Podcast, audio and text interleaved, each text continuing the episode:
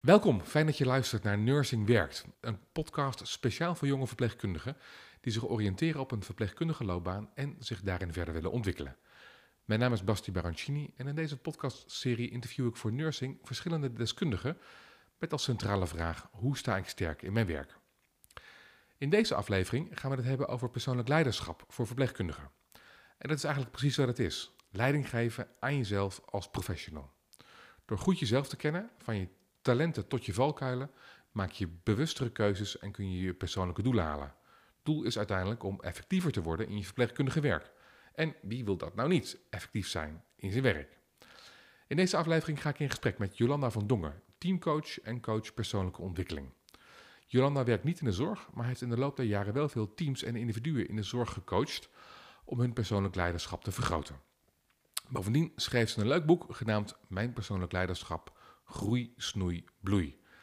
Welkom Jolanda, fijn dat je er bent. Dankjewel.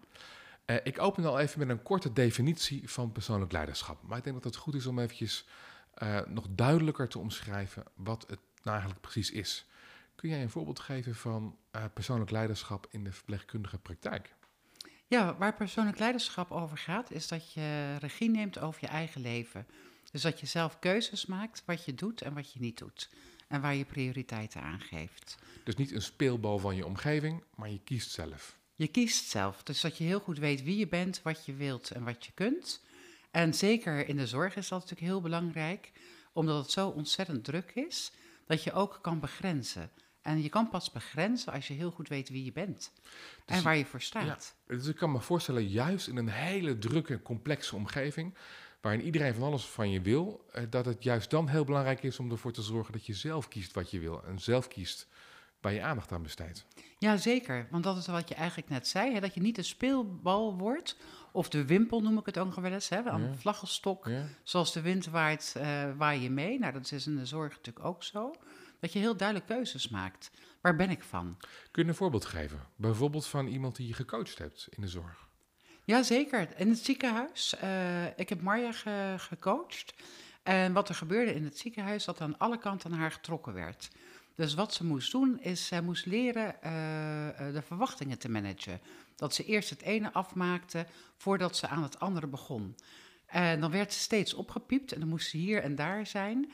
En daarvan heeft ze afspraken gemaakt met haar collega's. Ik laat weten wanneer ik kom en hoe laat. Dus dan konden haar collega's daarop rekenen. En dan werd ze ook niet meer opgepiept.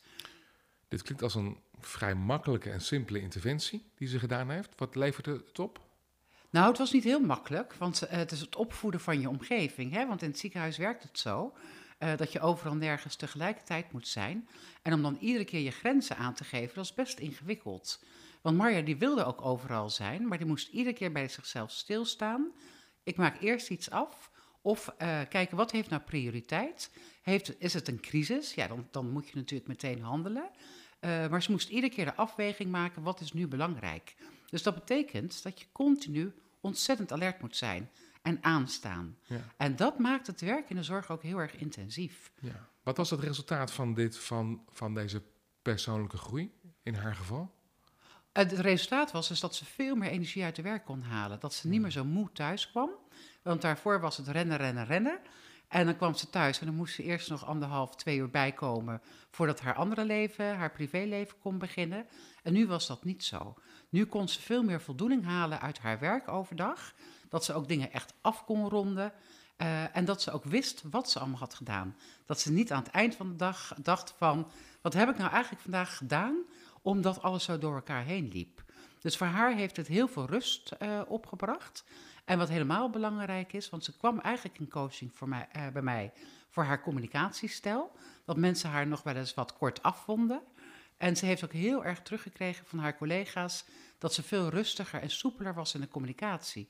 Maar dat kon ze omdat ze eerst de rust kon vinden. Wat ga ik eerst doen en wat dan? Dus ze kon ook haar communicatie dan aanpassen. Goed, goed. In plaats van die drukte in haar hoofd. Ja. Wat ze, en die drukte ging ze vervolgens ook neerleggen bij collega's. Ja. En wat, dat is wat je heel veel ziet in de zorg. Dat de druk zo hoog is, ook in het hoofd van mensen, dat, is, dat je dat ook terug ziet komen in de communicatie. Dus sommige mensen uh, worden heel stil, uh, die imploderen, zoals ik dat noem. Hè? Uh, die komen eigenlijk niet meer uit hun woorden, die buffelen alleen maar. En andere mensen worden heel erg verbaal. Dat zijn zeg maar de twee excessen. Uh, en de kunst is om daartussenin te blijven, dat je jezelf kan blijven. Goed. En dat is waar persoonlijk leiderschap over gaat. Jezelf blijven. Zeker, zeker. Hmm, dus persoonlijk leiderschap is niet, hè, want leiderschap dat klinkt dan al meteen heel stevig en uh, fors en fix. Dat betekent dus niet dat je jezelf uh, streng gaat toespreken op maandagmorgen. Nee, zeker niet. Nee, zeker niet. Hoe ziet, hoe, want hoe ziet dat eruit dan? Persoonlijk leiderschap gaat wat mij betreft over dat je zelf regie neemt over je leven. Ja, en hoe doe je dat? Uh, dat je weet wie je bent en dat je weet waarvoor je wil staan. Heb je, dus heb, je, als je... heb je daar een coach voor nodig? Of kun je dat ook zelf doen? Nee, dat kan je zeker zelf doen. Ja? Ja. Hoe doen mensen dat doorgaans? Zelf de regie nemen. Zodat als je weet wat er op je pad komt, dat je ook kan kijken van kan ik dit en wil ik dit in dit moment. Wat heel erg belangrijk ook is bij zelf regie nemen, is dat je ook actie onderneemt op datgene wat je graag wil. Maar ook als jou iets wat moeilijker valt, dat je daar dan hulp op vraagt. Dat je dan ook weet, dat is wat ik bedoel, met dat je weet wat je wilt en wat je kunt. Dat, uh, dat je ook uit gaat breiden, je repertoire, uh, door hulp te vragen aan anderen, dat ze jou helpen. Ja, uh, bijvoorbeeld in de vorm van hulp vragen aan mensen om je heen, aan collega's. Je Ja. kunt er boeken over lezen, je kunt er schema's van maken, doelen stellen, evalueren. Om op die manier te komen tot ook, ik kan me zo voorstellen, tot meer zelfbewustzijn. Wat zei je het laatste? Om te komen tot meer zelfbewustzijn. Ja, het gaat alleen maar over bewustzijn. En het mooie wat je net zei is over doelen stellen. Dat je weet voor jezelf welke doelen stel ik voor mezelf en hoe ga ik die behalen.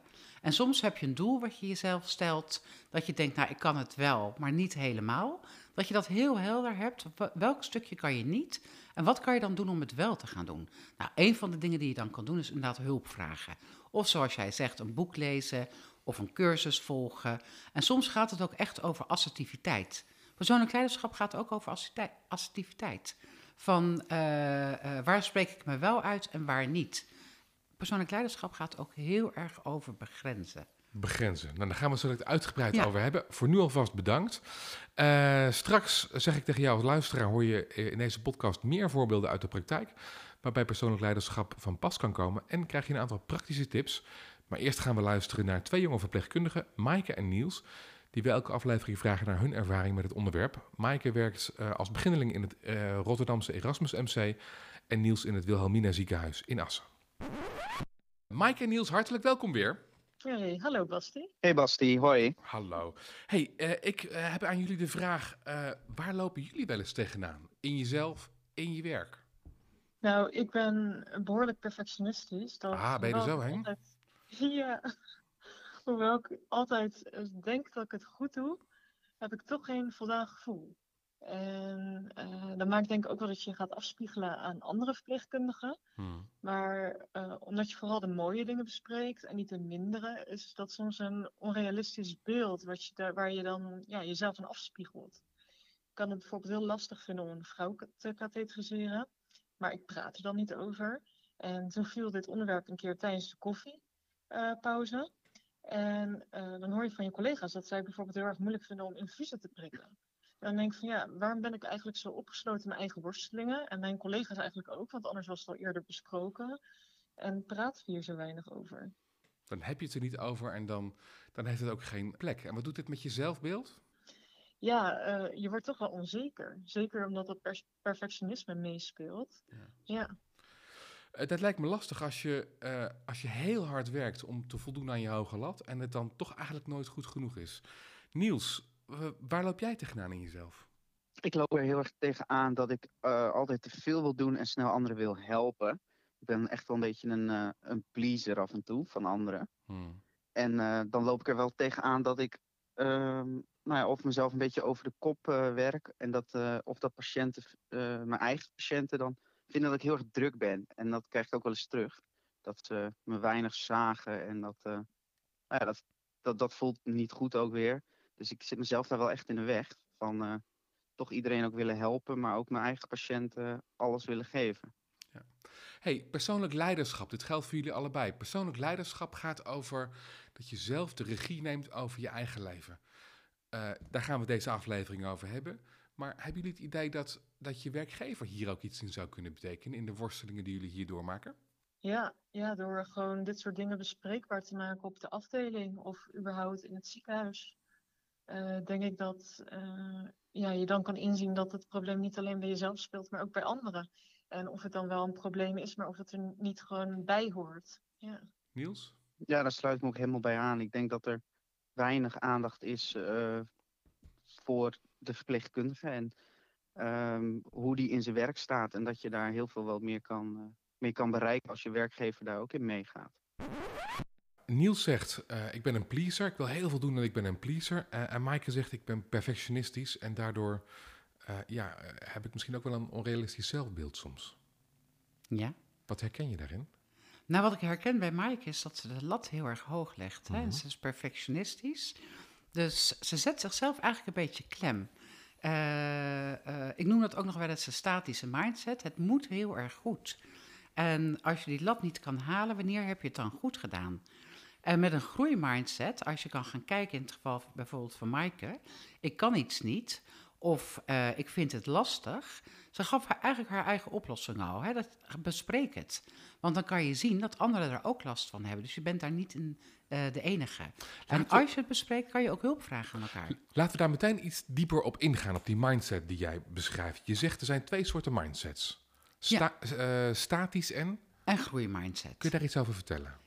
De statische mindset is, dat zit vaak in moeten, zoals Maaike net zei. Hè? Het moet goed, het moet perfect, uh, ze is perfectioniste. Ja. Dat geeft weinig ruimte, want ze zet zichzelf daarmee vast. Want wanneer is het dan goed genoeg?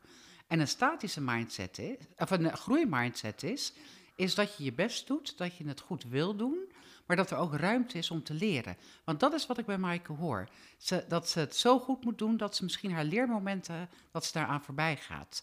Dus daar zit de groei voor haar. Dat ze kan leren, ook om het wellicht op een andere manier te doen en te kijken hoe anderen het doen. Want ze kijkt heel erg naar zichzelf, hè? naar haar eigen lat, wat ze denkt dat ze moet bereiken. Ja, en dat, is dat, haar, dat, dat kan voor deel haar eigen lat zijn. Misschien ook wel uh, dat ze denkt dat dat de lat van een ander is. Maar in elk geval moet ze daaraan voldoen. Ja, en daarom is het mooie, wat ze gaf haar eigen antwoord al. Namelijk? Hè? Het bespreken met anderen. Want dan kan je kijken hoe zitten andere mensen erin. En dan hoor je verschillende latten, zeg maar. Ja. Hè? En dan kan je je afspiegelen van, is mijn lat dan te hoog? Of is het een realistische lat? En, beetje, en, en, uh, en kan dan een statische mindset een, een wat meer lerende mindset worden? Jazeker. Dan, juist dan, want een statische mindset is, hè, het moet goed. Ja. Ze is perfectioniste. Ja. En als je ook verhalen hoort van anderen en ook herkenning, dan kan je die lat wat meer omlaag halen. Kan je milder worden voor jezelf. En het mooie daarvan is, is dat je dan eerder voldoening haalt uit je werk.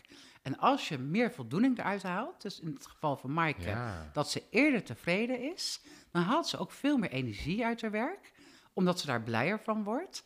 En doordat ze meer energie uit haar werk haalt, heeft ze per definitie krijgt ze meer groei in haar leven, kan ze meer leren. Ik moet ook een beetje denken aan Pippi Langkous. Die, Ja, die staat ook in mijn boek. Ja, heel erg die lerende mindset. ja.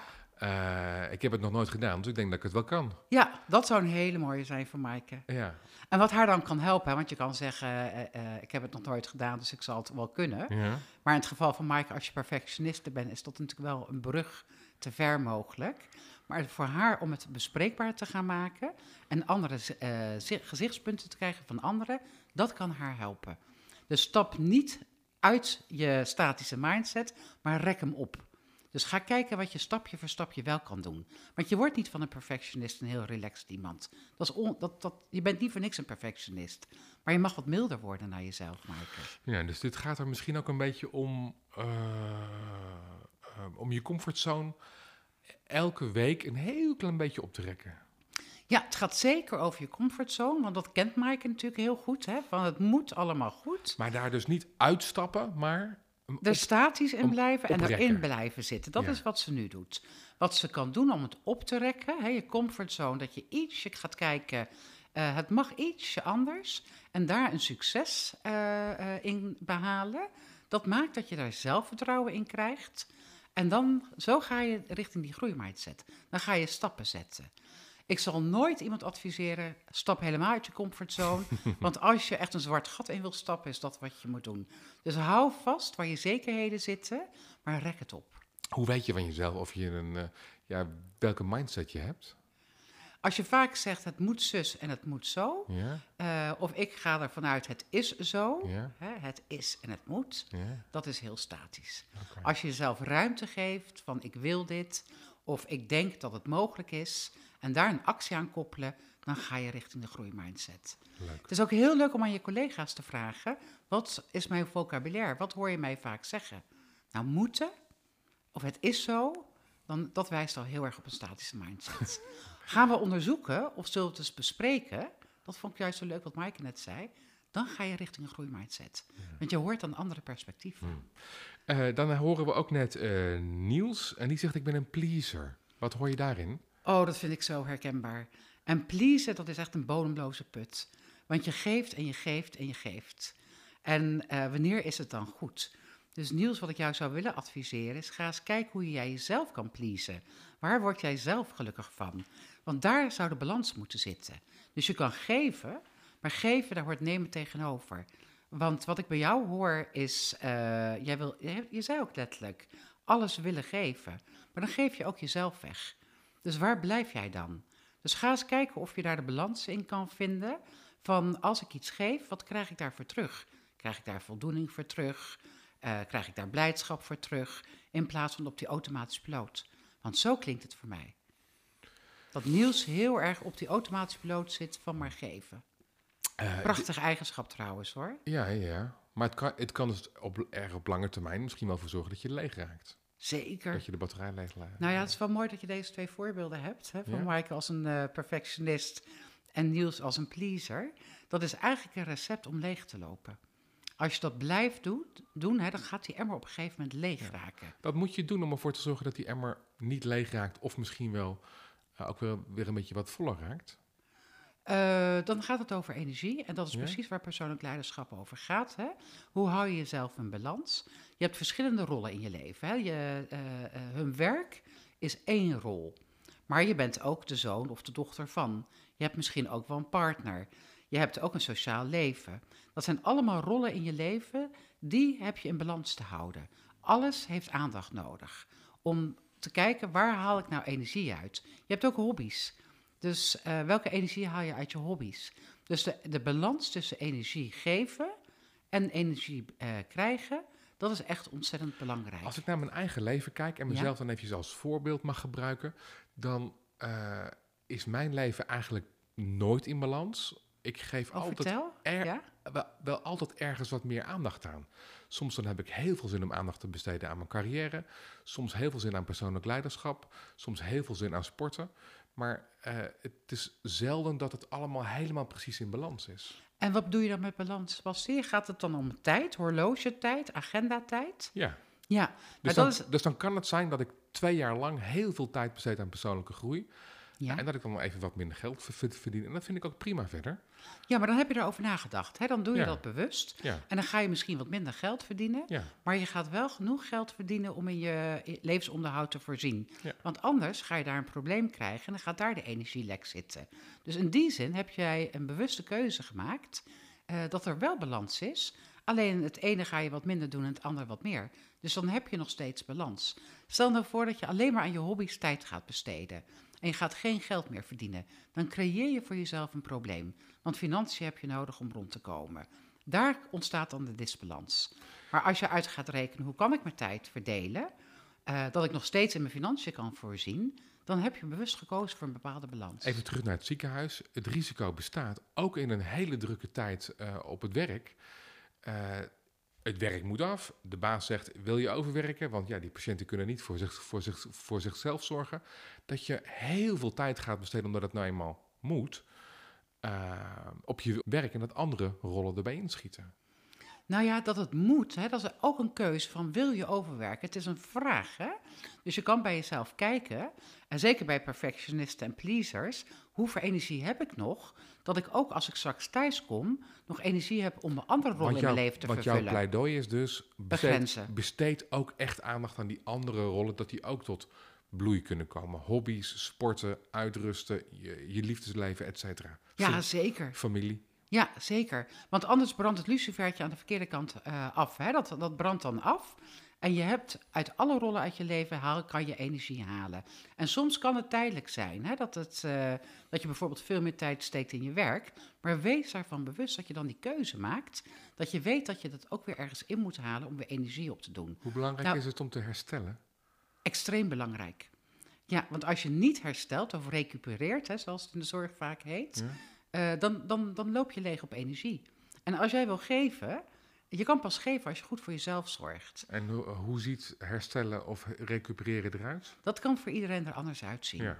Ja, dus je kan bijvoorbeeld op je werk, hè, dat, we hebben het nu steeds over buffelen op je werk, maar ook op je werk kan je balans aanbrengen. Dat je even jezelf twee of drie minuten terugtrekt, een ademhalingsoefening doet of even naar muziek luistert. Zet je wekker, ga op het toilet zitten. Hè? Dat werkt ook al. Oh, dat werkt zeker. Ja, ik doe het sterker nog, ik doe het zelf regelmatig. Eh, het toilet is de enige plek waar je echt alleen kan zijn, hè, met de deur op slot. Ik zet mijn wekker op mijn telefoon, drie minuten. Ik doe mijn ogen dicht en ik ga ademhalen. Dan tegen de tijd dat de wekker gaat, heb ik het idee dat ik een half uur pauze heb gehad. Dus ik ben dan veel, weer veel rustiger, ook helderder in mijn hoofd. En ik kan weer verder. Dus herstellen betekent niet per se, het is ook leuk, maar betekent niet niet per se dat je twee weken naar Frankrijk moet.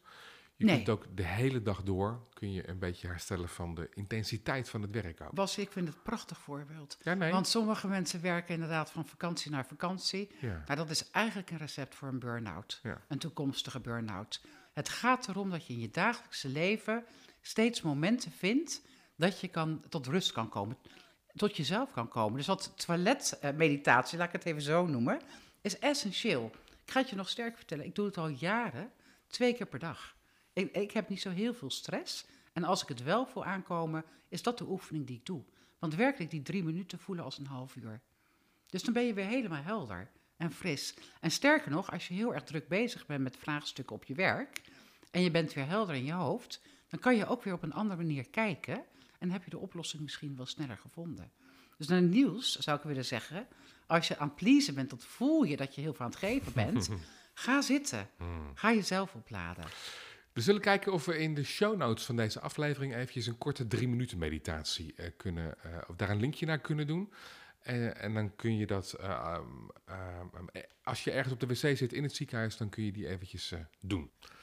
Wat ik ook graag aan je wil, wil voorleggen zijn een aantal reacties van luisteraars. We hebben op de socials hebben we gevraagd in hoeverre dit leeft bij luisteraars. En ik wil een aantal dingen aan je voorleggen die we hebben ontvangen in de mailbox.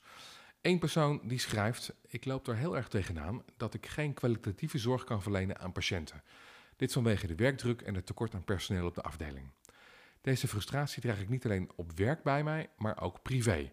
Dat is zeker niet goed voor mijn lichamelijke en mentaal welbevinden.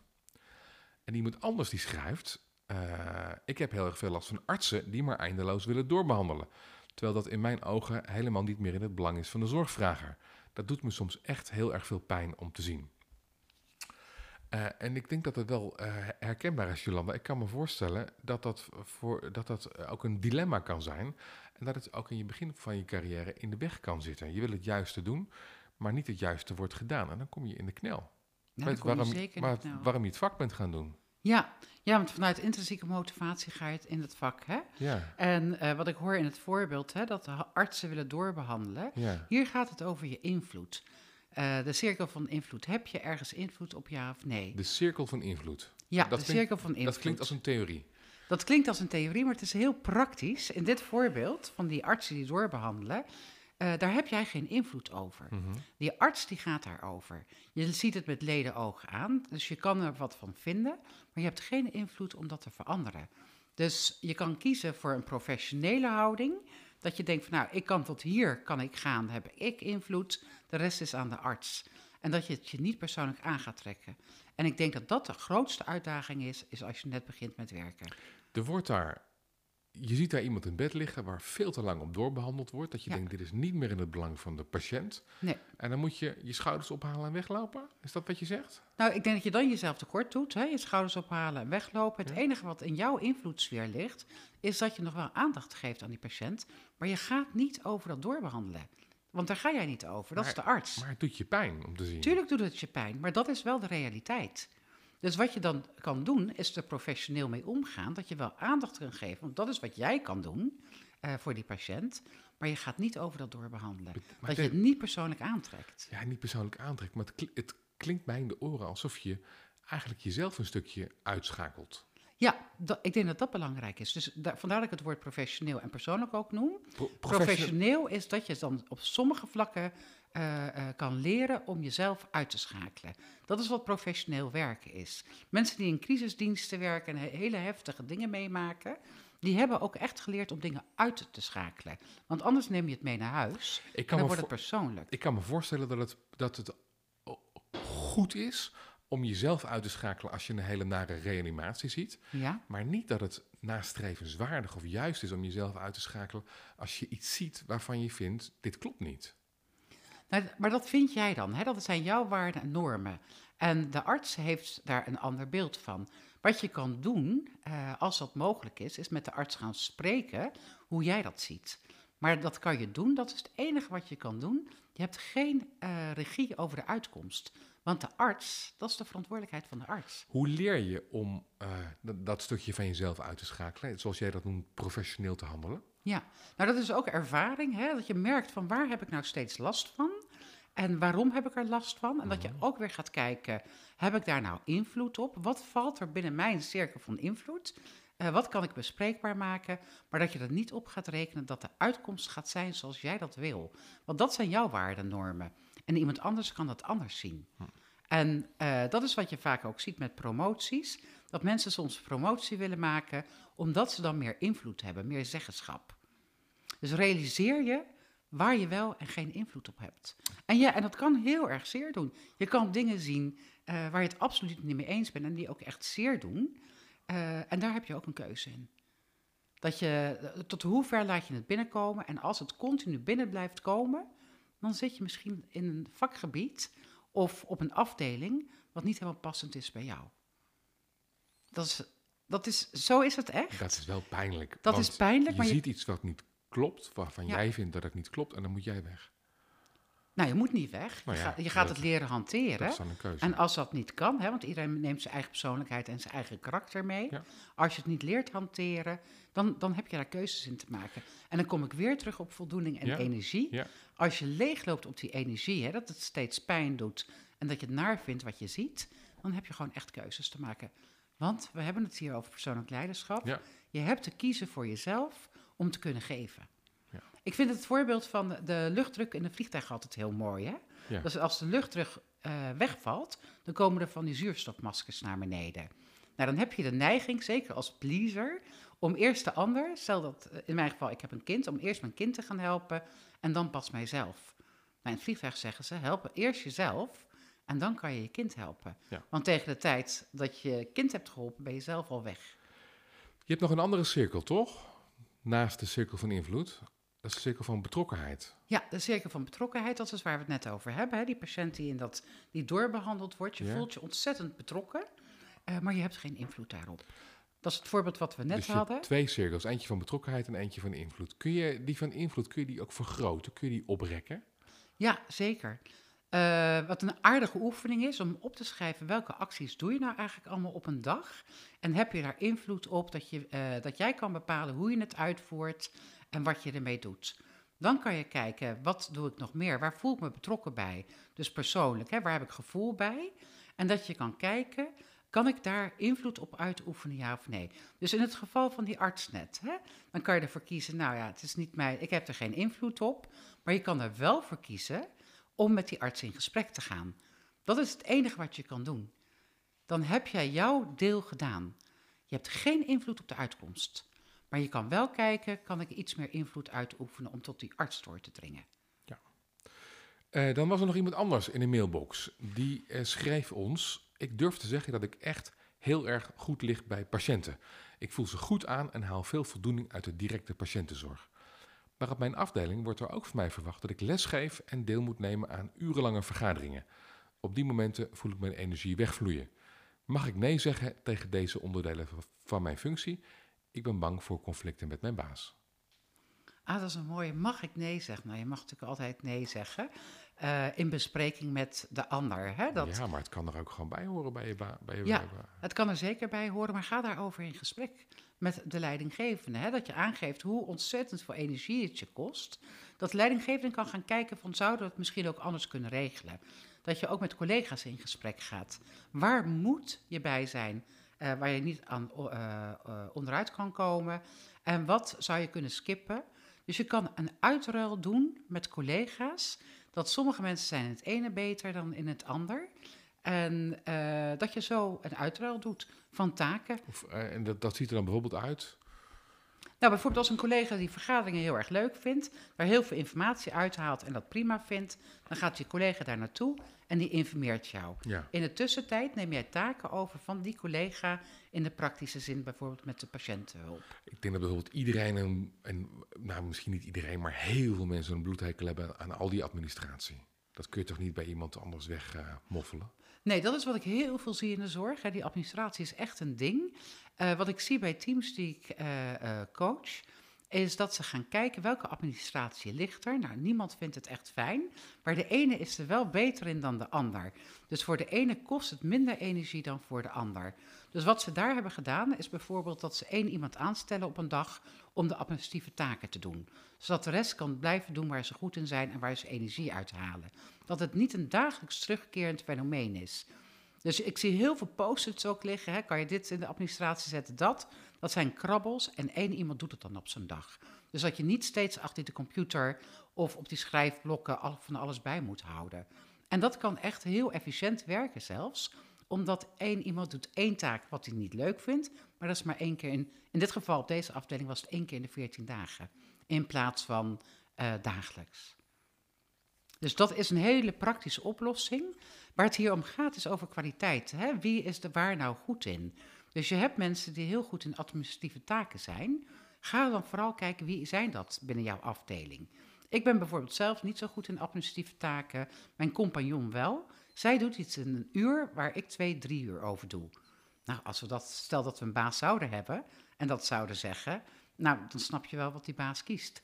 Die gaat mijn, mijn collega vragen natuurlijk om die administratie te doen. Dat is veel efficiënter. Hou je twee uur over al. Ja, er zijn natuurlijk hele eh, zichtbare en tastbare kwaliteiten, zoals eh, administratie doen of eh, een wond verzorgen. Hè, dat, je weet gewoon, ik kan dat beter dan de ander. Er zijn ook wat subtielere kwaliteiten, kan ik me zo voorstellen. Ja, wat ik vaak doe met teams is dat mensen, dan vraag ik aan het begin welke kwaliteiten zie je bij je collega. Mhm. En dan vraag ik van schrijf er drie, vier op wat je bij je collega ziet. En wat hoor je dan aan kwaliteiten? Eh, zorgzaamheid is er één. Wat er bijvoorbeeld ook een kwaliteit is die vaak wat minder eh, duidelijk is, is geduld. Of humor. Hmm. Of, eh, dus bij bepaalde patiënten heb je een betere match Staat met het, iemand. niet, staat het niet in je functieomschrijving, humor of geduld? Nee, Nee, staat er zeker maar is niet wel in. zeker een kwaliteit. Enorm belangrijk. Ja. Of bijvoorbeeld iemand, als er heftigheid uitbreekt hè, op de afdeling, die juist dan heel erg rustig is, juist onder extreme omstandigheden. Dat is voor iedereen anders. Hè. De ene schiet in de stress, gaat actie, actie, actie, als een kip zonder kop. Terwijl een ander juist achterover gaat zitten, het gaat overzien en heel efficiënt te werk kan gaan. Nou, en dit bespreken met elkaar en deze kwaliteit eh, uitwisselen met elkaar, dan weet je ook in welke omstandigheden wie je dan het beste kan raadplegen of inzetten. Ja, hoe weet je nou wat je kwaliteiten zijn? Dat is vaak door te vragen aan de ander, wat zie je bij mij? Is een Want- beetje gênant toch? En dan ga je vragen. Nee, maar dat is heel erg leuk, dan dan krijg je je- allemaal cadeautjes. dan ga je, maar dan ga je vragen om complimenten. Wat vind je goed aan mij? Nou ja, dat is iets. eh, nou ja, als je dat met z'n allen doet, hè, want zo doe ik dat met teams. Het is ook gek om te zeggen, eh vraag aan iemand anders, wat vind je dat ik goed doe? Maar in een één op één gesprek kan je dat wel doen, want je geeft iemand ook iets. Want je geeft ook complimenten, kwaliteiten terug aan de ander. En het is heel belangrijk dat je dat ook van elkaar weet. Want dan weet je ook waar je elkaar kan aanvullen. In het geval wat ik net zei over mijn compagnon, hè, administratie is niet mijn ding.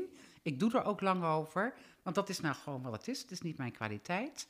Maar ik ben weer heel goed in out-of-the-box denken bijvoorbeeld. Nou, dat ruilen we dan uit. Als er snel actie ondernomen moet worden, eh, dan ben ik degene die vooraan staat. Want dat is waar het uiteindelijk over gaat. Elkaar aanvullen. Ja, complementair zijn aan Ja, elkaar. dus dat iedereen op zijn, die op een afdeling rondloopt, of het, of het nou een kleine afdeling is met 10 of een grote met 50, dat iedereen in zijn, ja, het- vergeef me de, de clichés, maar in zijn kracht staat en doet wat hij moet doen omdat het zijn kwaliteit is. Ja. Als jij kan doen waar je echt goed in bent, Ja? eh, dan haal je daar per definitie energie uit.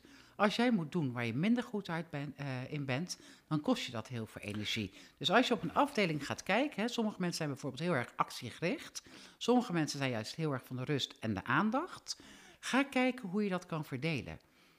Want dan ben je aanvullend op elkaar. In plaats van iedereen in dezelfde mal te stoppen. Oh, alsjeblieft niet. Alsjeblieft Stel niet. nou dat je dit luistert en denkt, eh, om wat voor reden, begrijpelijke reden dan ook, er wordt eh, op de afdeling onvoldoende gebruik gemaakt van mijn kwaliteiten, van wat ik te geven heb aan deze wereld. Ik heb iets te geven en het wordt niet gezien. Nee. Wat kan ik dan doen? Als jij voelt dat je niet gezien wordt, hè, dan heb jij waarschijnlijk ook duidelijk waarin je niet gezien wordt. Want daar, daar zit je frustratie dan. Ja. Dus je wil iets neerzetten, maar er wordt of niet om gevraagd, of het wordt niet gezien, Ja. of je laat het onvoldoende zien. Het enige wat je dan kan doen is het gesprek aangaan met elkaar. Dus dat je ook het voorstel doet van eh, eh, welke kwaliteit heb jij en welke kwaliteit heb ik. Want dan wordt het zichtbaar. En helemaal als je het opschrijft, dat je het weet van elkaar. Hey, en even heel kort door de bocht. Ja? Als je dat gesprek voert eh, en er wordt dan nog niet naar geluisterd... en er wordt nog steeds geen gebruik gemaakt van wat je te geven hebt aan de wereld... dan is het ook gewoon tijd om weg te wezen daar, toch? Nou, dat hangt er vanaf. Ik geloof in drie keer. Hè? Eén keer kan je het aangeven, een tweede. en als je een derde keer aangeeft en je, staat, je hebt nog steeds het gevoel dat je van een dichte deur staat, dan is die deur waarschijnlijk inderdaad wel dicht. Want, en dan, Maar mijn ervaring is, Basti, Ja. dat mensen het onvoldoende aangeven. Dat ze wachten totdat het gezien wordt. En hier gaat het ook over assertiviteit. Hè? Hmm. Eh, eh, dat je ook naar voren durft te brengen waar je van bent. Ja. En het heeft niets te maken met borstklopperij. Want zo voelt het vaak. Het heeft juist te maken van, jongens, hier, dit leg ik neer op tafel, op een dienblad, maak er gebruik van. Het lastige is, als je blijft zitten, dan loop je leeg. En dan Als je blijft zitten met zo'n dichte deur waar jij niet gehoord en niet gezien in de wordt, richting van een burn-out. Absoluut, absoluut. Ja. dan word je een schim van jezelf en dan loop je leeg. En als je leeg loopt op je werk, heeft dat ook effect op je privéleven. Want dat, dat hadden we het eerder over, hè, deze podcast, dat dient in balans te zijn. Wat ik ook nog wel eens zie, is dat mensen heel erg leeglopen op hun werk. En dan heel veel gaan sporten of heel veel gaan feesten om maar ergens een uitlaatklep te hebben om weer op te laden. Dat is geen balans. Goed. Dat is, eh, dat is gewoon iets inruilen voor iets anders. Eh, dat is een pleister. Dat is absoluut geen balans. Wil ik er nog eentje aan je voorlezen? Ja, graag. En dan heel kort. Ik gebruik veel humor in mijn zorgverlening, schrijft iemand die reageerde via de website van Nursing. Ik vind het leuk om af en toe de clown uit te hangen bij patiënten en hun naasten. Dat vinden ze over het, over het algemeen prachtig. Maar ik merk dat het niet altijd gewaardeerd wordt door mijn collega's. Soms gaat dat ook wel eens ten koste van de samenwerking met collega's. Dat vind ik lastig. Ik wil, wil graag mezelf kunnen zijn. Hoe ga ik daarmee om? De clown-uithanger. Nou, ik hoor twee verschillende dingen. Hè? Ik hoor iets, eh, ook een kwaliteit hoor ik terugkomen. Hè? Eh, de humor. En de humor zorgt ook voor relativering. De patiënten vinden het leuk, hoor ik. En jouw aanname is dat het wel eens eh, ten koste kan gaan van de samenwerking, want je denkt dat collega's dat niet zo leuk vinden. Dat zou je na kunnen vragen of dat echt ook zo is. En hier gaat het ook over normen en waarden. Hè? Dus je kan de norm hebben, het mag luchtig zijn, humor hoort erbij. Als jij een collega tegenover je hebt zitten die dan zegt van, nou, het moet allemaal heel serieus, want daar, daarvoor kom ik hier. Dan heb je het over twee verschillende normen. De ene is humor, de andere is, nee, het moet heel serieus zijn. Bespreek het met elkaar. En ga eens kijken of je daar een middenweg in kan vinden. Nou ja, middenweg. Op het moment dat je net begint in je carrière en je, hebt het, het, eh, en je werkt samen met iemand die 50 is, dan is het misschien logisch dat de norm van de oudere, van de senior, boven de norm van de junior gaat. Nou, dat kan in het algemeen, is dat vaak ook zo, maar ook dat kan je bespreekbaar maken. Van, want nieuwe impulsen kan heel veel betekenen hè, op een afdeling. En als je ziet dat het de patiënten ten goede komt, eh, dan maak het vooral bespreekbaar. Maar je hebt, als je ergens nieuw bent, heb je je wel eerst te voegen aan de normen van de afdeling. Dus als dit de norm is, hè, op de afdeling, we doen het serieus, we blijven rustig, is helemaal prima. Conformeer je daar ook aan. Maar maak het uiteindelijk wel bespreekbaar dat jij het gevoel hebt dat er wat meer luchtigheid in kan komen. Eerst conformeren en dan proberen op te rekken. Ja, je hebt eerst geaccepteerd te worden en dat heeft ook echt te maken met conformeren. Dat is iets anders dan jezelf weggeven, maar er is een morus op de afdeling. Eh, daar conformeer je aan En dan kan je, waar we het eerder over hadden in deze podcast, hebben over invloed. Als jij geaccepteerd bent, mensen weten wie je bent, dan kan je invloed gaan uitoefenen en het bespreekbaar maken. Ik zou wat meer humor erin willen brengen. Jolanda, dankjewel. Heel blij met al je inzichten. En ook jij, dankjewel voor het luisteren naar deze aflevering over persoonlijk leiderschap uit de podcastserie Nursing Werkt. Wil je meer afleveringen luisteren? Abonneer je dan op deze podcast in je favoriete podcast-app of kijk op nursing.nl/slash podcasts. Nursing heeft verpleegkundigen trouwens nog veel meer te bieden. Ga voor nieuws, verdiepende vakinformatie en congressen naar nursing.nl.